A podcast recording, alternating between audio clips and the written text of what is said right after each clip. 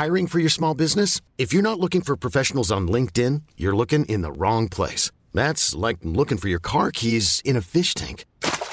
LinkedIn helps you hire professionals you can't find anywhere else, even those who aren't actively searching for a new job but might be open to the perfect role. In a given month, over 70% of LinkedIn users don't even visit other leading job sites. So start looking in the right place. With LinkedIn, you can hire professionals like a professional. Post your free job on linkedin.com slash achieve today. There's never been a faster or easier way to start your weight loss journey than with PlushCare. PlushCare accepts most insurance plans and gives you online access to board-certified physicians who can prescribe FDA-approved weight loss medications like Wigovi and Zepbound for those who qualify. Take charge of your health and speak with a board-certified physician about a weight loss plan that's right for you. Get started today at plushcare.com slash weight loss. That's plushcare.com slash weight loss. plushcare.com slash weight loss.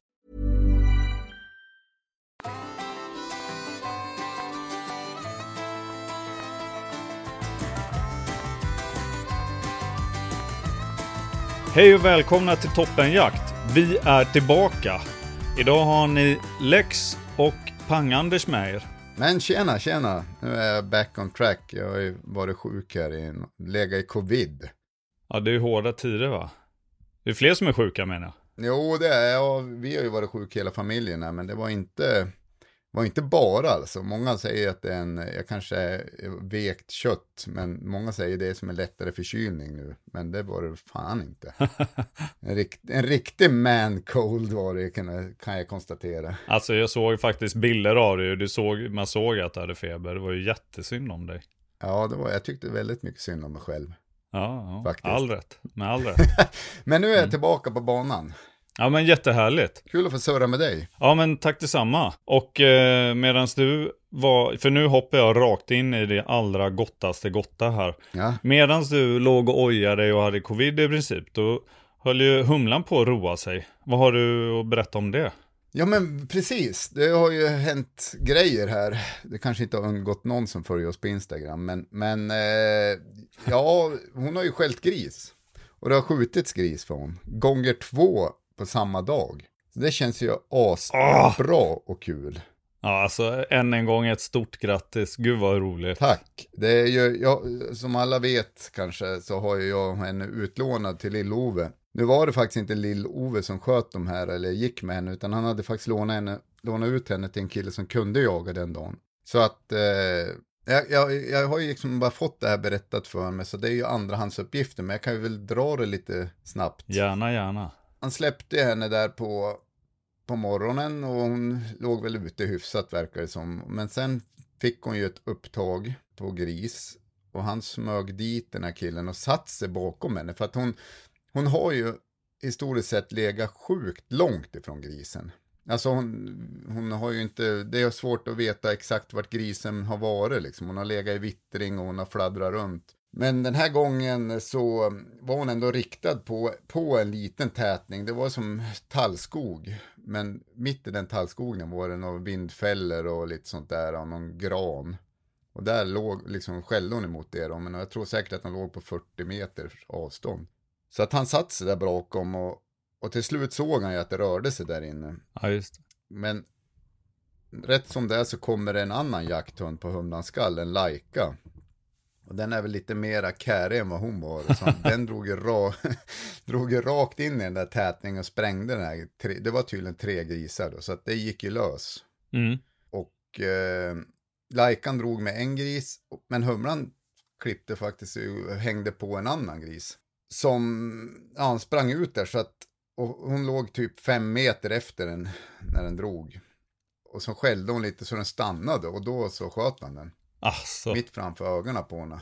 Åh, Så att det var liksom helt perfekt. Ja, jag får ju Hon rysningar. skällde, grisen stannade och det var helt öppet och han sköt den, den ramlade ihop nästan direkt. Och då hade hon som flyger på den direkt när den gick i backen i stort sett. Mhm. Och det är också som att man bara, vad fan det är, hon ju alltid varit lite så här en, fram och nosa och sen börja lugga, men nu var det som att hon, nu jävlar. Mm. Så att det var ju superlyckat, alltså fan vad glad jag blev när de fick, jag fick ju bara det här på, på en chatt vi har, att humlan skäller gris.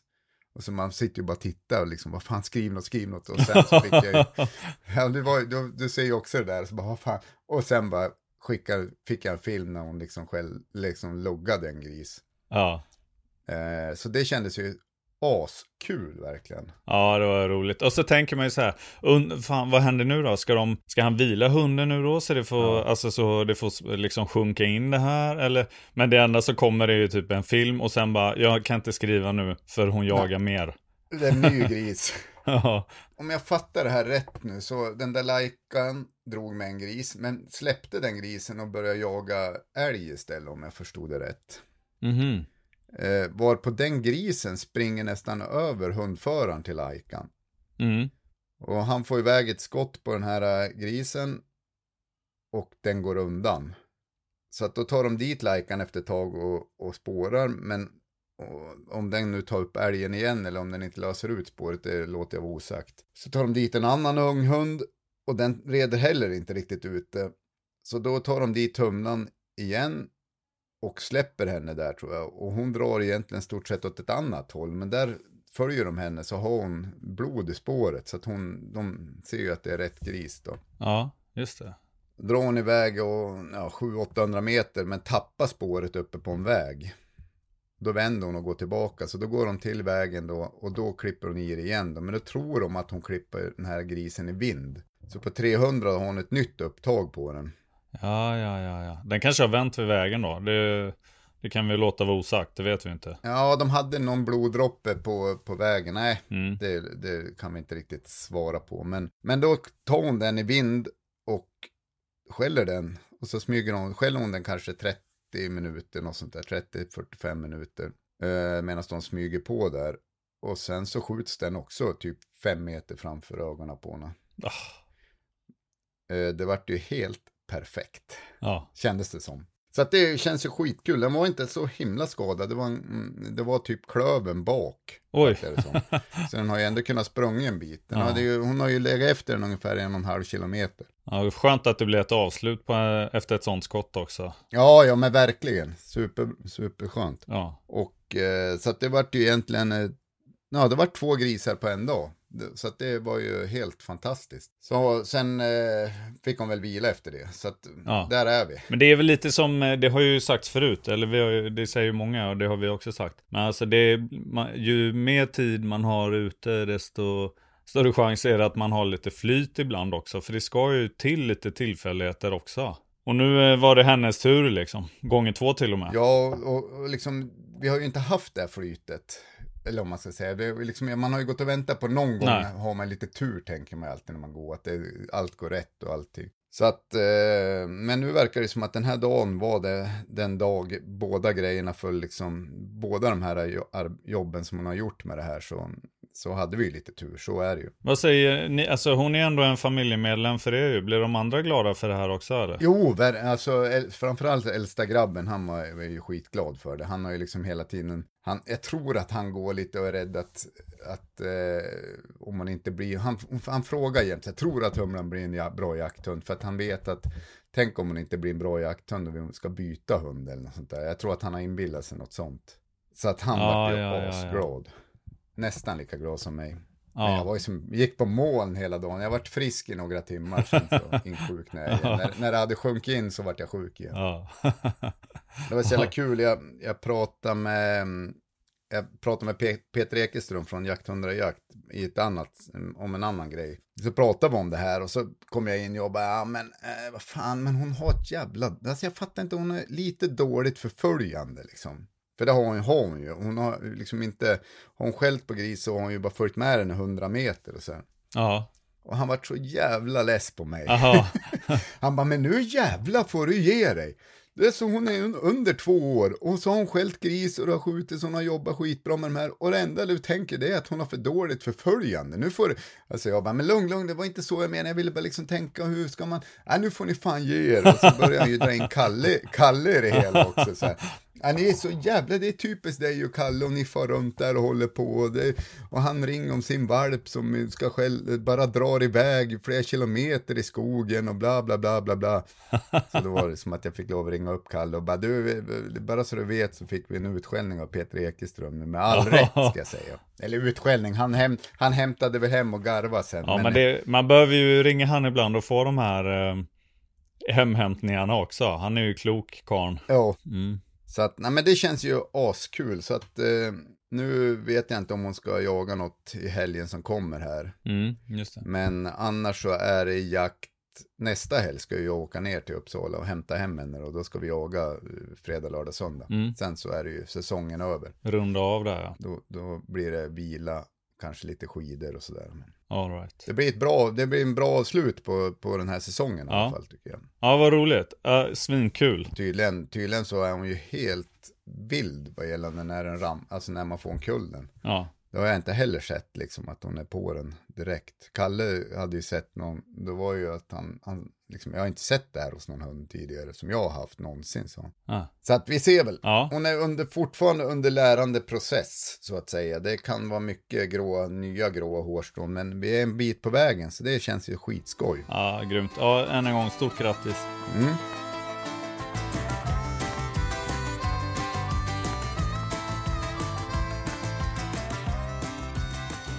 Men du, äh, jättekul kul att familjen också kan glädjas och sånt. Det är ju på något sätt äh, lite dubbelt det där med att ha en, en arbetande hund och en äh, familjemedlem i ett liksom. Jo. Va, va, du pratar om äh, lågsäsong och sånt, åka skidor och så vidare. Hur, va, hur tänker du liksom? Vad, vad händer nu när du har jagat klart? Ja men jag tänker att nu är det ju, nu får hon komma hem här och landa lite här hemma. Eh, men, men ganska direkt tror jag att jag kommer börja åka skidor med hon.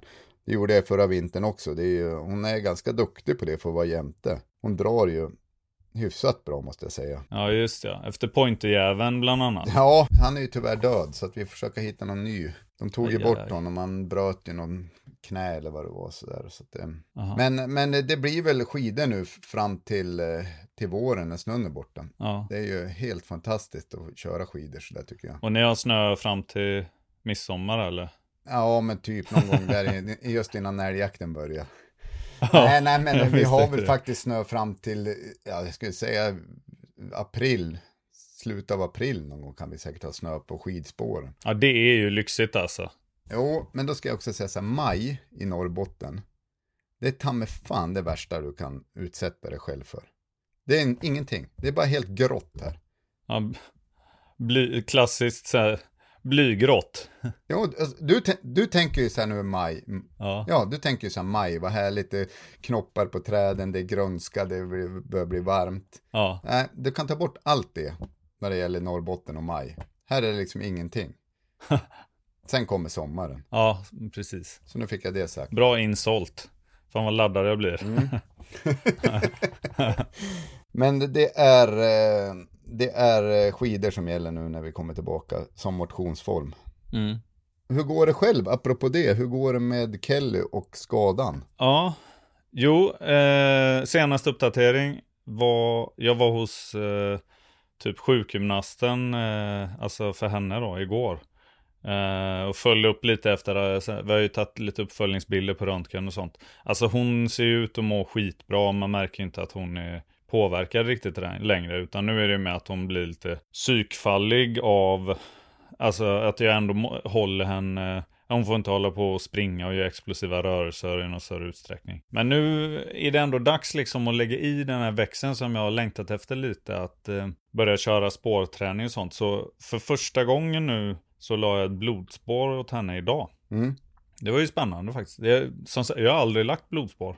Jag har ju spårat på massa olika sätt men aldrig lagt rena blodspår. Det var ju, det var ju skitkul. Ja. Det blir en helt annan typ av spårbild. Alltså normalt om du har gått i, om en, alltså förutom när du spårar vilt, när du inte har ett facit. Men alla, alla spår när du har ett facit, typ att du har dragit en klöv eller ett skinn eller gjort någonting. Då har du ett själv liksom ett spår om man säger så. Mm, mm. Eh, men men eh, man märkte att det var skillnad i spårbilden på När, när hon liksom bet i egentligen bloddroppet typ.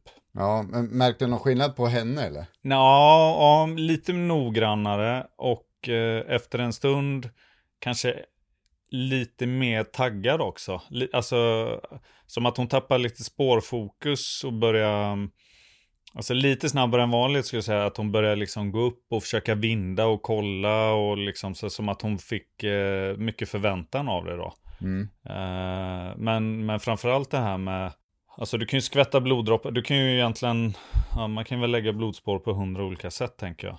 Men man, jag såg, det var i alla fall tydligare att hon höll sig lite mer som i en spårkärna och inte kanske tog mina spår eller något annat, eh, utan lite mer som så här eh, typ tävlingsspår. Och in, inte för att jag, eh, att det finns någon egenvärde i det, utan hon får spåra som hon vill så länge hon själv har tappteknik och teknik som gör att hon spårar bra. Men, Ja. men eh, det var ändå jävla intressant att se hur hon jobbar med det och sånt. Och jag blir lite pepp på att lägga mer, fler blodspår ett tag nu och kanske lite svårare. Och varför skulle jag vilja göra det? Jo, för att jag vill, jag vill att hon ska ha förväntan på blod på något Mm. sätt. Alltså förknippa det med någonting positivt och så vidare. Så att jag kan eh, med större självsäkerhet tänka att hon förmodligen kommer välja ett skadat vilt om det har varit flera vilt på en plats.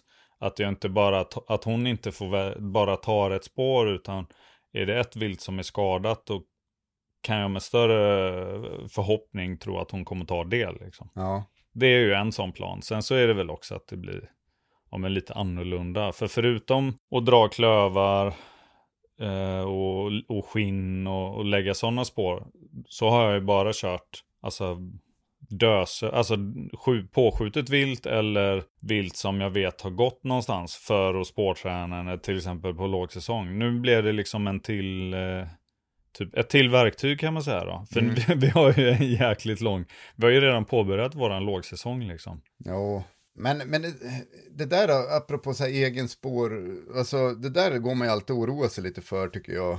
När man har lagt ett spår, vad är det hon spårar nu? Mm, Alltså mm, är det mig eller är det klöven? Jag försöker alltid gå och sträcka ut klöven, mm, alltså med rak arm i sida så att jag ska kunna se om man på vissa punkter vart klöven har gått och vart jag går liksom. Sen är Mm. det ju såklart beroende på hur vinden ligger och allting, vart de ligger och, och spårar. ja. Men, men brukar inte, eller är det bara jag som gör det, att man oroar sig lite för, bara, vad fan hon spårar så jävla bra när jag lägger spår. Och det kan bero på att jag, att det är mig hon spårar, det är Jo, för men det- enkelt liksom. Alltså det är ju intressant att fundera över det men jag är inte så orolig för det för jag tänker att eh, det är ju egentligen, det är mycket gissningar ju vad, hur de egentligen spårar. Och jag tänker att det är ju en samlad bild av att de spårar ju säkert vittring av ett särskilt vilt. De kanske till och med känner att det är samma individ som de spårar om det är ett längre spår eller så. Men man kan ju tänka sig att de också använder sig av lukter som uppstår av att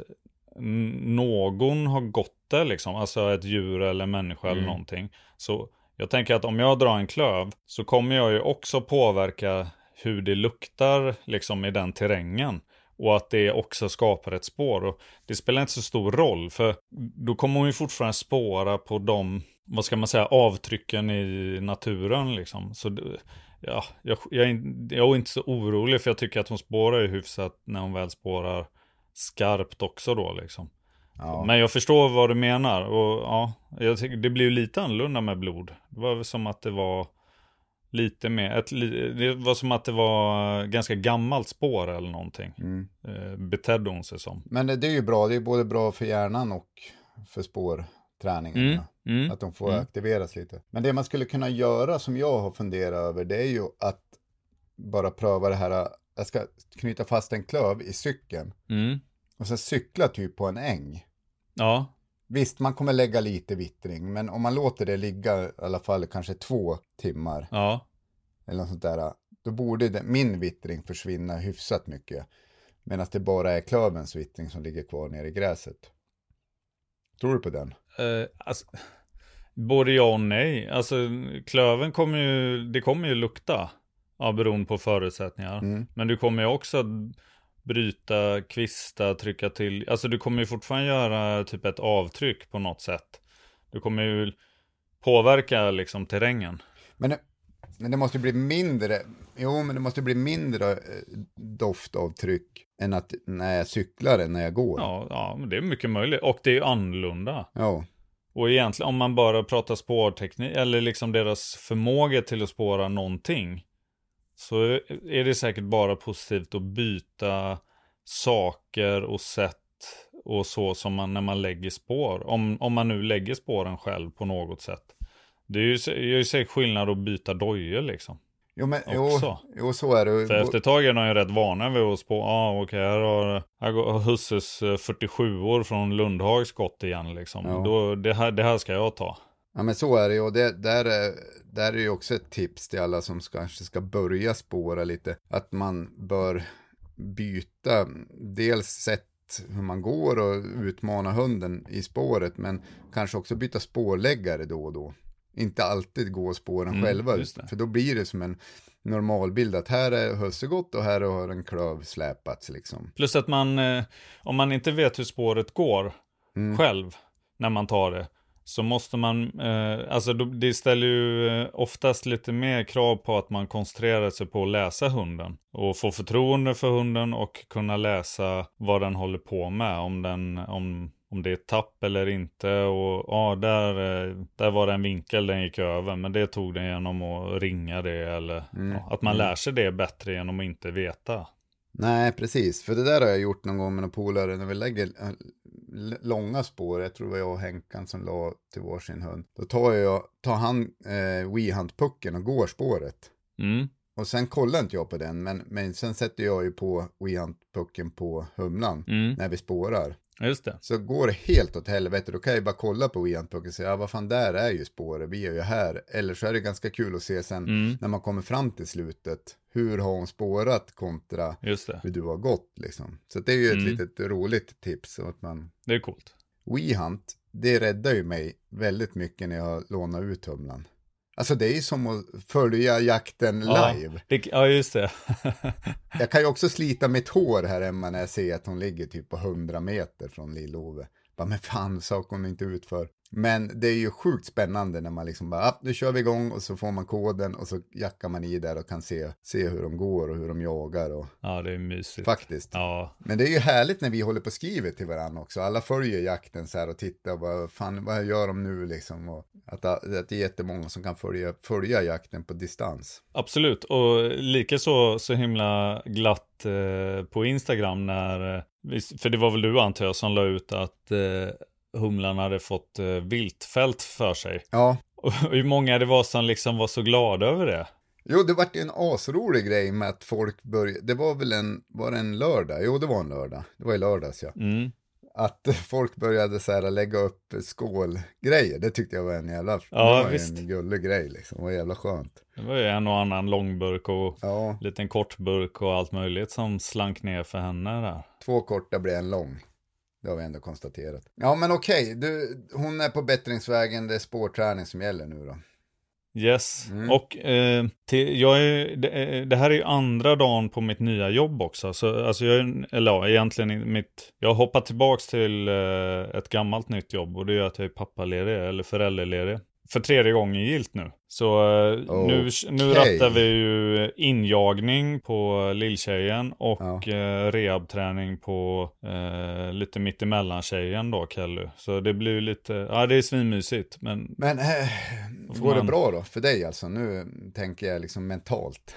Ja, det gör det. Alltså jag ser fram, jag har sett fram emot det här. Mm. Eh, sen så nu, det, så, där jag är nu tänker jag att nu kommer jag få sätta lite mer, få lite rutiner och vi får vänja oss lite mer med vid varandra. För nu är det ju liksom jag som står för käk och så vidare. Det finns liksom ingen tutte och, och falla tillbaks på på samma sätt. Utan nu är det, Nej. nu får vi bonda och det är ju asnice. Men att vi kommer ju säkert vara lite mer avslappnade, eller jag kommer säkert vara lite mer avslappnad med det om en vecka typ. Och, och, med, och med tutte menar du alltså ett kvinnobröst?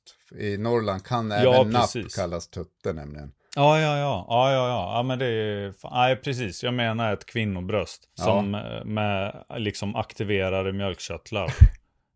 Ja, För att vara jävligt tydlig då. Ja, men jag tänker att jag, jag säger så här tutte om napp. Ja, ja, ja, ja, det är jävligt taget. Vad säger man om tuttar då? då? Tuttar. I Sundsvall säger man tötta. Ja, det är du med. Bröna. Ja, Bröna. Ja. Ja. Ja. Ja men eh, okej, jag tycker att eh, det gick bra första gången man var föräldraledig med första ungen. Mm. Andra var inte lika roligt. Mhm. Då hade man som gjort det en gång. Jag vet inte varför det. Fan vad skill- vilken skillnad. För alltså, jag tyckte att det var svinnice första gången med. Men det var ju lite mer, eh, då var jag lite otålig.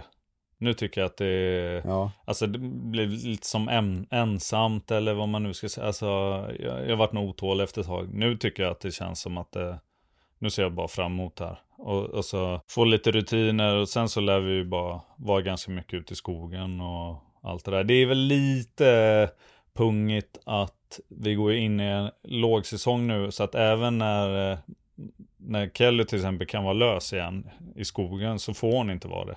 Det hade ju varit ett plus liksom. Men å andra sidan så kanske det är strategiskt att vara föräldraledig när det inte är jaktsäsong. Det beror på hur man ser det. för, för, för, för, för föräldraskapet kan det ju vara väldigt bra, tror jag. Relationen, eller liksom att man, men sen eh, jaktmässigt hade det ju varit bättre att bara satt hon i en sån här stor ryggsäck. Ja, och, Fan, det är sant. Lätt. Ja, jag är inte, jag är inte så hemskt rädd för att, att blanda in bärande barn och hund i en dag. Det är jag ju Nej. inte. Men... det kanske, du kan ju ha det i åtanke till fjärde ungen. Ja, precis. Fan, nu gäller det här bygga erfarenhet.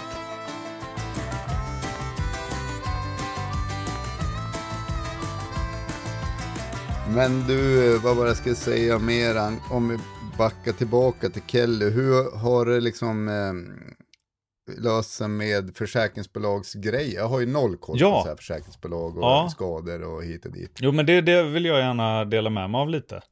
Eh, Ja, helt från mitt perspektiv nu. Eh, jag har inte gjort någon sån här större eh, undersökning på det, men, men eh, eftersom att det här är min liksom första skadeerfarenhet på en, på en jakthund. Men ja, alltså jag har ju liksom inte haft något sånt innan, så tycker jag mig ha lärt mig en del. Eh, det jag har lärt mig är att den här operationen till exempel, med alltså ett brutet ben som behövde opereras och med akut, ja det i, alla fall det gick på runt typ 60-70 tusen någonstans där. helvete, det är Ja. mycket pengar. Så först och främst, nummer ett, ha en försäkring, ja, ganska mycket värt kan jag säga. Mm. Eh, nummer två, eh, man kan fundera över, självklart vad man har för hund, alltså ja, beroende på vad den jagar och hur den jagar och sådär. Men nu hade jag ett maxbelopp på 60 000, och, vilket gjorde att jag klarade mig jäkligt bra. Mm. Men det, man kan ju ha högre maxbelopp på flera försäkringar. Eh, på mitt eh, försäkringsbolag kunde jag ha ett maxbelopp på typ 120. Mm. Det hade jag ju kunnat ha haft hjälp av, för eh, hade någon mer hänt nu, då hade hon ju varit typ, då hade hon ju inte haft någon försäkring kvar kan man säga. Men jag, nu hade jag lite flax, för nu, eh, den försäkringen förnyades för året om man säger, två dagar efter skadan typ. Så att då blir det ju som nollat igen. Ja, ja. Mm. Men annars hade det varit läge att höja beloppet då och pytsa in extra för att få det om man säger så. ja. Så att eh, tror man att man, eh, att, eller om man, om man vill vara liksom mer skyddad, att det kan komma flera skador och sådana här grejer, för det sticker ju fan iväg alltså. Så då, ja, då kan man ju fundera över vad man har för maxbelopp. Det är ju ett tips i alla fall. Men det, det är liksom är beroende på när du tecknade försäkringen då, när det blir ett nytt försäkringsår, eller är det, är det beroende på att det blir nyår och då blir det ett nytt år? Nej, eh, i mitt fall i alla fall, då är det ju typ när det är tecknat. Jag menar, du, du hade ändå flyt liksom, hade det blivit en vecka senare, då hade det varit i början av året. Ja, Ja. men vi, ja, om det nu hade hänt något mer då, om man säger så. Ja. Men hade det här varit en vecka in på försäkringen, och Mm. då hade jag haft ett år kvar utan någon försäkringstäckning kan man säga, då hade jag ju bara höjt. Eh, Då får man ju väl betala in det. Och det är säkert olika på olika försäkringar. Men så att grundtipset är väl mer att kolla vad man har och Ja, och typ så här, ha en förståelse för vad det innebär. För det är, i, i mitt fall så, eh, jag hade liksom ingen superaning, men, eh, Eh, men kände väl att jag hade jävla tur. Och, för jag blev ju väldigt positivt överraskad i, i all kontakt med försäkringsbolaget. Alltså från första början egentligen. Jag för mig att jag ringde in när jag var på väg in eh, första liksom, akutbesöket med henne, då ringde jag och sa typ det här har hänt, ska, ja, ska jag tänka mig något särskilt eller så.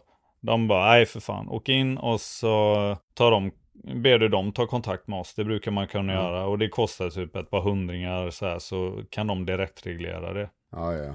Och det, så, så det gjorde jag, det tyckte jag var värt. Det kändes eh, jobbigt att köra liksom den här eh, pappersexercisen själv. Eh, så i slutändan så löste de allting. Och det coola var att eh, eftersom att det var en vildsvinsskada så var det heller ingen självrisk. Så det kändes ju nästan löjligt bra. Eh, och det kan ju vara olika. Men fan, det tänker man att det borde vara. Ja, Alltså, nu ska jag inte tipsa dem om det, men, men det är ju dumt att säga det kanske om försäkringsbolag, men det lär väl inte vara någon försäkringsbolag som lyssnar på oss. Men det är ju jävligt bra att det inte var någon självrisk. Ja, men det, ja, det var ju svinbra. Inga så här krav på eh, att hon skulle ha skyddsväst, ingenting. Utan bara eh, rätt och slätt, jaha, det är en vildsvinsskara, noll självrisk. Alltså, så det blir ju, eh, känslan blir ju att man, att det är jäkligt skönt att ha det i ryggen när någonting händer. Mm. För, för nästa del är ju att eh, all eh, veterinärvård som hon har fått nu har jag ju också upplevt som väldigt positiv. Det är ju, vi har ju ett skitbra system i Sverige för oss människor på många sätt att vi har fri sjukvård. Men i realiteten så innebär ju det inte sällan också att vi har ganska långa köer och, och sådana saker. Men det här är ju sjukvård man istället betalar för då, alltså för, för sitt djur. Mm. Och det var ju, alltså det går ju jäkligt fort allting och det är liksom inte massa väntetider i någon större utsträckning utan eh, superbra omhändertagande och det är ju för att man betalar för det istället. Och har man då en försäkring som täcker det så, alltså det är inte, det är svårt att ångra att teckna en hög försäkring om någonting händer i alla fall. Nej, men så är det ju. Det, Det, det är väl, eh, men det känns ju kul att, att ändå att du pratar så positivt. Man, man har ju nästan alltid så här, bara jävla försäkring, det täckte inte det och det täckte inte det. Alltså kanske mera hemförsäkringar och sånt, att folk är missnöjda. ja men precis. Men du verkar ju vara svinnöjd, det är ju kul. Det finns säkert, eh, för det här bolaget har ju andra typer av försäkringar med, men i det här fallet så har ja, det ju klockrent. Så det är ju värt att kolla vad man har för maxbelopp och så slå ut det mot vad man har, vad kostar det dig per år liksom, hur många år liksom ska det gå innan det inte var värt det liksom. Alltså för skador händer ju, det, det är ju allt möjligt. Om det, det behöver inte vara vildsvin eller älg eller någonting annat. Det kan ju vara Ja men sådana här sjuka grejer som att de får in ett eh, spannmålsax i lungorna eller vad som helst. Det, det kostar, det drar iväg liksom så fort det ska opereras eller någonting. Men det, det är ju bra hundmässigt. Kanske eh, sjukvårdsmässigt för människor är det väl inte något optimalt system. Ska väl tilläggas. Tycker, tycker jag. Det, kanske finns folk som tycker det. Nej men det är inte det jag, nej precis, nej det här är ingen politisk eh, utläggning alls. Nej det är bara tips om att kolla vad det gäller för regler med olika typer av viltskador och eh, olika självrisker på, på er försäkring och kolla vad man har för maxbelopp. Och så kan man kolla vad det är för regler med just det bolaget man själv vill ha. Om det löper på ett år eller hur det fungerar liksom med det per skada. Det kanske kan se olika ut så här. Tipset är att se över försäkringen på hunden om ni har hund. Ja, men precis. Är egentligen det.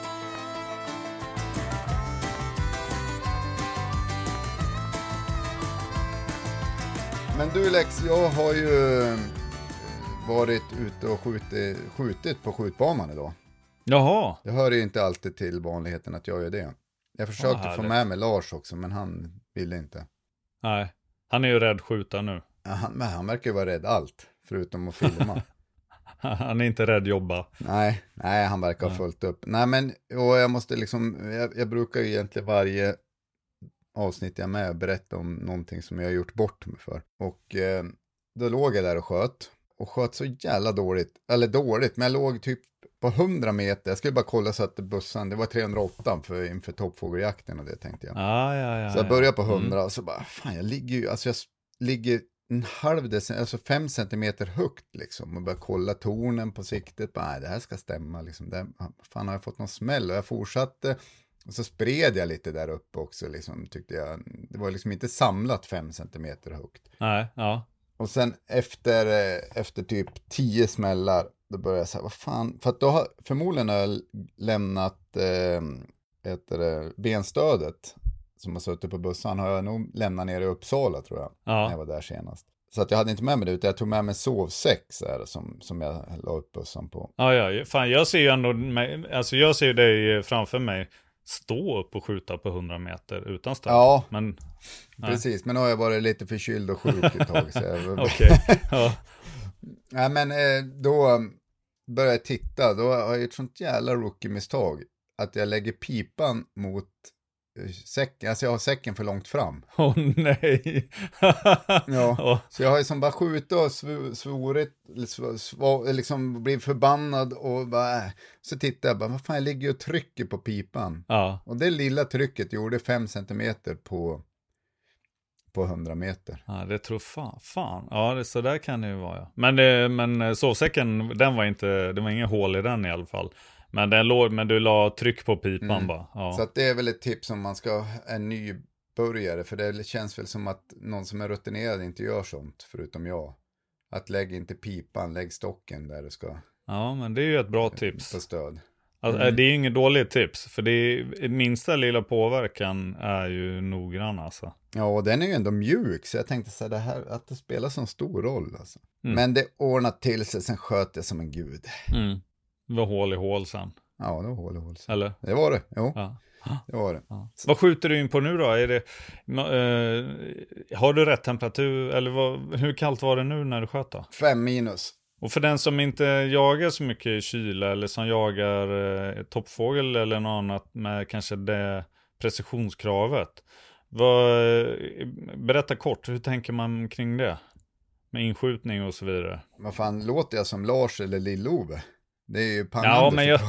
Nej men nu, ja, oh, ja okej. Ja, men jo, så är det ju att det, eh, det kan ju skilja sig ganska mycket i, i träffbild beroende på dels hur, hur- alltså stora temperaturskillnader ute. Det är ju, om man Mm. grottar ner sig i det här så om man söker femöringar på 400 meter då är det ju fukt, luftfuktighet och allt möjligt. Men om vi bara håller oss till en, en vanlig eh, amatörträffbild så, så kan det ändå skilja om det är nollgradigt eller 25 minus. Sen eh, kan jag inte säga om, det, om bussen går högt, lågt eller åt sidorna för det. Det kanske du har bättre koll på. Eller så är det helt individuellt för varje bussa. Och vad har det vad liksom anledningen till det? Är det brintiden på krutet, kylan i pipan? Alltså, har du koll på det? Eh, Nej, jag ska fan inte ge mig in i det. Men det kan ju vara så att om man skjutit in i varmare grader och sen så eh, är det kallare och att ammunitionen då är kallare.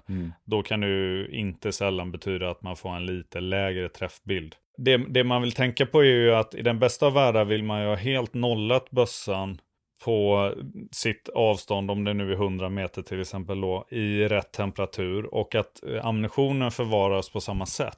Alltså så har man den i fickan när man skidar, ja då får man ju skjuta in med att man tar upp den ur fickan och laddar och så skjuter man då. Eller om den förvaras kallt, ja då får man ju skjuta in med det och så vidare. Eh, jag vet inte, jag, ja, jag skulle förutsätta att det har med med, med liksom krut, hur fort eh, krutgas, alltså hur, ja, den här gasutvecklingen och det, eh, alltså hur fort allt går. Mm. Men det, behöver ju, det där kan ju de svara på Det tänker jag. Men, men absolut, ofta får man kanske en lite lägre träffbild. Och det kan också variera ganska mycket på olika patroner och kanske olika kulor då. Mm.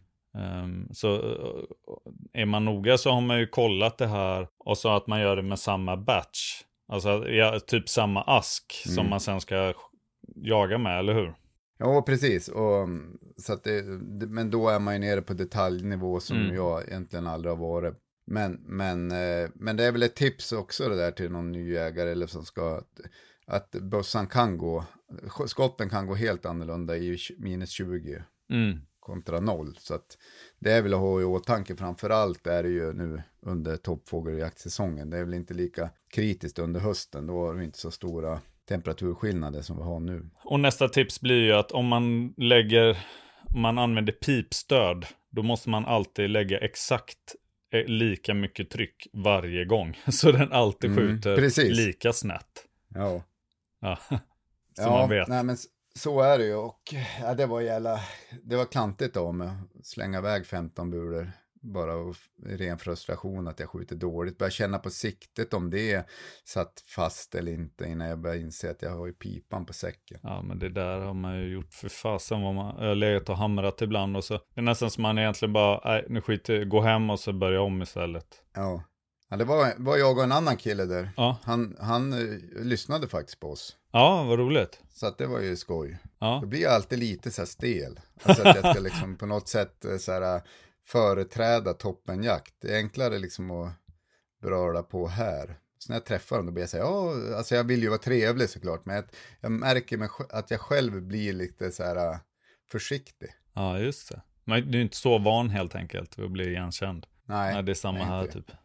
Men du, var kul eh, med toppfågeljakt snart. Det Mm. brukar ju vara lite av eh, årets höjdpunkt. Ja, precis. Vecka, precis, det är ju några veckor kvar, men vi ska försöka ses där nere i Brink där vi brukar träffas Mm. och jaga en helg. Och jäklar. Det blir ju askul. Den är ju en, det är ju en härlig helg. Den där har vi pratat om flera gånger, men det är en, man kan inte prata för lite om den, tänker Nej. jag. Eller för mycket om den. Nej. Eh, Den innehåller ju både det ena och det andra. Ja, det brukar vara en del eh, härligheter helt enkelt. Vi brukar tappa följare och få lite nya. ja, ja, Om man, om man tänker rent vad, vad som händer på Instagram och sånt i alla fall. precis. Jag har ju inte varit med sista året, så att, men jag tycker att du och Kalle har skött det där väldigt bra med att få folk att avfölja oss och kanske få folk att jubla. Ja. Så att, eh, I år kan, det, det måste jag säga, det är ju bara 97-procentigt för mig. mhm. Jag har ju ändå ansvaret hemma här nu. Jag kommer, det, det lär jag behöva lösa ordentligt först. Och det, ja, det är inte riktigt, riktigt hundra än. Nej. Ja, det är lite av en cliffhanger för mig alltså. Men eh, jag hoppas ju och har ju ambition. har du berättat om det? Eller vad är taktiken liksom? Ja, men jag har ju lagt en block i kalendern sedan tidigt. Ja, bra. Ja, det är ju det, är det första steget. Att man, det bara ligger där. Ja, Men sen har jag ju pratat om det också. Men det är ju, i det här fallet så är, handlar det om att, eh, att eh, inte, inte stenkoll på hennes schema helt enkelt. Eh, I mitt fall, jag har ju en kvinna som partner. Hon studerar just nu och ja, det återstår att se helt Mm. enkelt hur fan vi löser ut det där. Och, ja, självklart om någon undrar så är det ju inte eh, föräldradagar som tas om jag åker och jagar. Givetvis, herre. om någon vän av ordning undrar. helvete, tur att du sa det. Det vill jag ju understryka. Men i övrigt så, eh, ja, men i, i liksom samarbetets eh, anda så att säga, så ska jag säkert få till det där. För, för vi får ju mycket frågor om hur får vi ihop livet liksom. Jobb, familj, jakt. Ja, För jag tror överlag att folk tror att vi jagar mer än vad vi egentligen gör. Eftersom att vi är fem personer som lägger upp, ja, nu har inte Lars lagt upp något på skitlänge, men det är ju våran styrka på så sätt att vi ändå kan producera visst mycket på Instagram. Det är ju att vi är några stycken som lägger upp olika jakter Mm. kanske är svårt att förstå för följarna. Men vi får mycket frågor om hur får ni ihop livet liksom. Mm. Har du något tips där till nybakad jägare, man eller kvinna som har familj och som vill jaga så mycket som möjligt utan att det ska påverka allt för mycket familjelivet? Alltså, jag har inte det. Eh, för jag har själv eh, haft lite av en, eh, inte omvärdering, men jag och min kvinna har haft ganska mycket samtal och varit lite oeniga om det, ganska nyligt. Eh, och jag tror att man, det finns liksom olika sätt att se det, men alltså, man, jag kan tänka mig att vissa jobbar mer med någon form av så här, typ rättvisebalans eller vad man ska säga. Ungefär som att om du vill gå och spela paddel två kvällar i veckan så kan jag jaga två dagar i veckan eller att man typ har någon överenskommelse. Det, så kan det säkert vara. Så har det inte varit i vårt fall. Utan det är någonting vi liksom pratar om. Det där är ju skitsvårt. Ja, Jag, jag ska inte säga att jag vet. Eh, man, det finns ju många prioriteringar i livet. Och har man en passion så hur, hur mycket prio får den och så vidare. Det är, fan, det är ju upp till varje relation nästan liksom. Um, ett tips har jag och det är ju såklart kommunikation. Mm.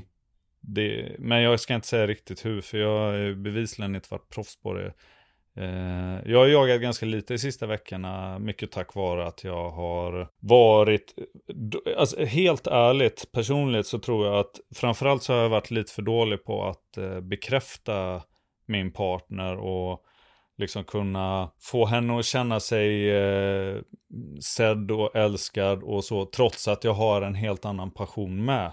För det blir så himla mycket vardagslogistik och sånt om man har familj. Det är liksom hundar, familj, jobb, partner, eh, jakt. Eh, som liksom ska, det ska ju ändå på något sätt balanseras typ. Och ibland så, man får ju fan lägga lite manken till för att det ska kunna funka. Att man också är liksom prioritera sin passion ganska mycket. Mm. Jag tror att jag var dålig på det i kombination med dålig kommunikation. Eh, vilket har gjort att jag nästan tagit ett steg tillbaka här över jul och sådär. Men jag skulle säga att jag håller på att sladda in på banan nu lagom till eh, lågsäsongen igen.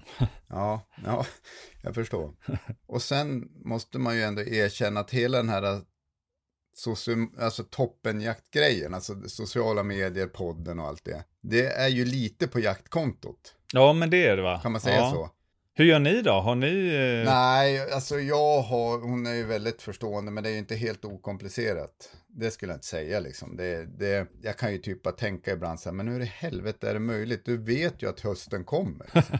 oh. Nu är det höst. Sen, alltså, den kommer varje år, och, men, men, men jag har väl ganska mycket förbättringspotential off-season att liksom vara här och nu. Då. Ja, just det. Jag tror att det hade hjälpt.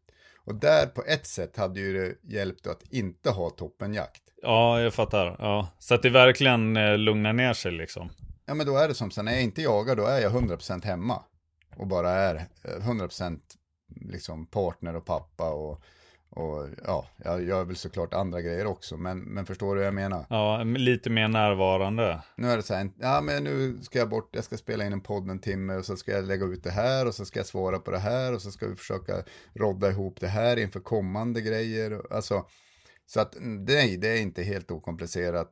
Uh, jag har heller ingen bra lösning förutom kanske att när det inte är jakt så uh, var, försök att vara så mycket som möjligt där och då. Alltså hemma på något sätt. Ja, alltså får man, jag tänker, i mitt fall så blir det lite att man, det gäller att kunna ha en balans i vad som är kvalitet och vad som är kvantitet och mm. vilket behov man själv har och vilket behov ens övriga relationer har på något sätt. Uh, för det är inte typ givet. För jag tänker, det låter ju som att, uh, att det låter nästan jobbigt för dig, men jag vet ju också att det är ju, det är ju så himla, det är ju typ en del av ditt liv, det är ju en passion, och för mm. så känner jag också. Jo. Så det är ju inte något jag är beredd att bara, uh, jag kan liksom inte bara vända mig om och gå ifrån det. Utan då gäller det att vara lite, typ vara lite vassare och anstränga sig lite mer på det andra också på ja. något sätt, eller hur? Ja men precis. Jo men det är det jag menar liksom att man får lägga manken till mm. på icke jaktbar tid för att liksom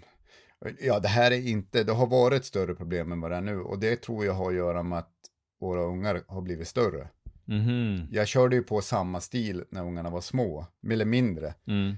Och, och då var det väl mera ett problem än vad det är nu egentligen. Det är så lätt att, se, att vara lite kortsiktig i någonting man är så pa mm. pass, passionerad för, om man säger. Ja. Eh, istället för att kunna se eh, ett längre perspektiv, att eh, det kommer kom, allting har sin tid på något sätt. Eller hur? Ja, men verkligen. Det tycker jag, det är ju svårt. För eh, om man har en partner som man tänker att man ska vara med hela livet, så efter några år så kan det vara ganska lätt att se att det här kommer vara hela livet.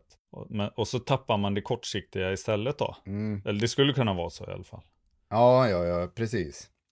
Ja, men så där har, väl, där har jag varit dålig att fatta liksom att var sak har sin tid. Det, ungarna kommer bli större, det kommer bli mer tid liksom. Och, mm. eh, för att det är ju som en ganska stor grej man ändå, ja, eh, både partnern och en själv gör avkall på när man åker iväg. Speciellt jag som åker, jag åker ändå iväg ganska mycket. Jag åker iväg på älgjakt en vecka, jag åker ner till er en vecka, jag åker ner till en långhelg, en långhelg till åker jag iväg. Alltså, det, man kräver ändå på något sätt, har jag liksom tänkt på ibland, ganska mycket av den andra, att jag avkall från mm. sitt på något sätt. Mm.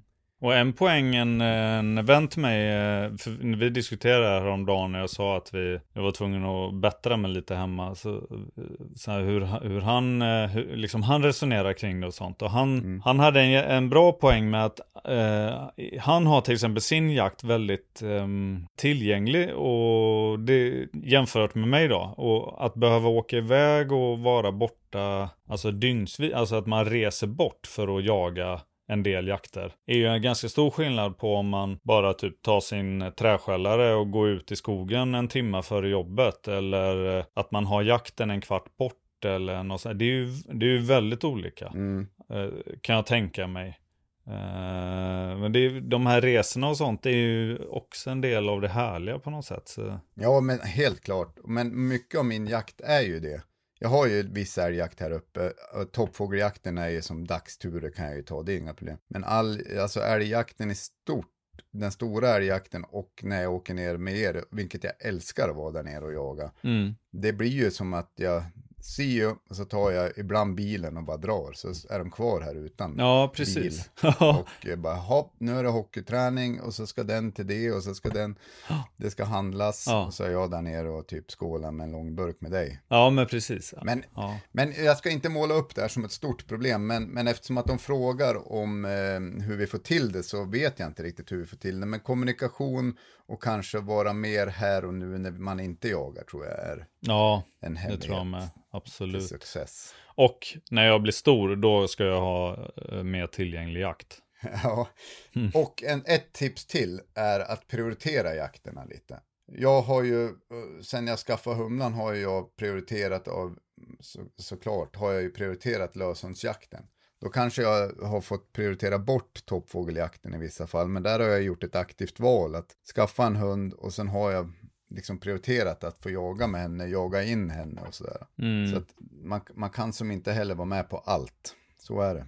Nej, så är det. Kloka ord Anders. Mm. Vet du, jag tänker att det börjar bli dags att runda av. Det kanske är det. Jo, jävlar vad vi surrar. Jag har bara en sak till jag ska döma ut här inför alla lyssnare. Mm. Snälla gör det. Vet du vad det är? Det är de här jävla Very Sure Larm-reklamen. Eh. Har du sett dem? Är det, är det på tablå-tv typ? För det kollar inte jag på direkt. Nej, nej, men det är det. Och alla, alltså, det är typ det värsta jag någonsin har sett. oh, ja. Jag kan bara inte fatta vad fan är det? är såhär, bygga upp någon slags grej om att det är farligt, man måste ha ett larm. Det är bara vita personer som är med i reklamen. Eh, det är så här, oj vad skönt, vi funderar också på att fixa ett larm. Jag gör det. Alltså det är dåliga skådespelare och jag retar med satan på det varenda gång jag ser den där reklamen. Är det också aldrig... hela den här normgrejen som de uh, spelar på, ja. för hårt på eller? Ja. ja. Ja, men du, kolla på den om du får chansen och så gör en utvärdering. Jag kan inte säga mer än sådär. Ja, det ska jag göra. Men du, det var härligt att prata med dig. Ja, men detsamma. Och tack till er som lyssnar. Tack så jättemycket. Tack för er som kommer fram och så här. Tack, bra podd och vi, jag är stort fan och allting. Det, känns, det värmer verkligen, även om jag blir lite stel. Ge han en kram, då kommer han mjukna. Tack eh, Anders och tack ni som lyssnar. Eh, vi ska försöka att inte vara, ha så mycket covid i framtiden här nu och spela in eh, regelbundet och sköta oss. Ja, tack så jättemycket. Ha det fint hörni. Hej. Hej då.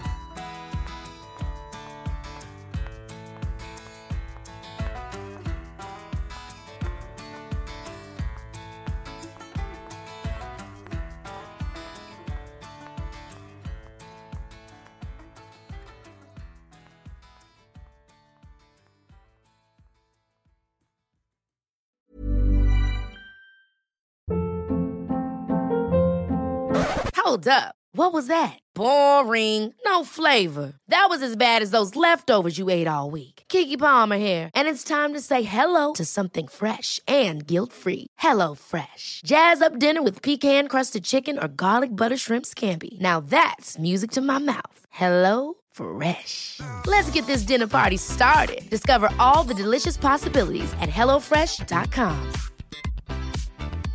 Hey, it's Paige DeSorbo from Giggly Squad.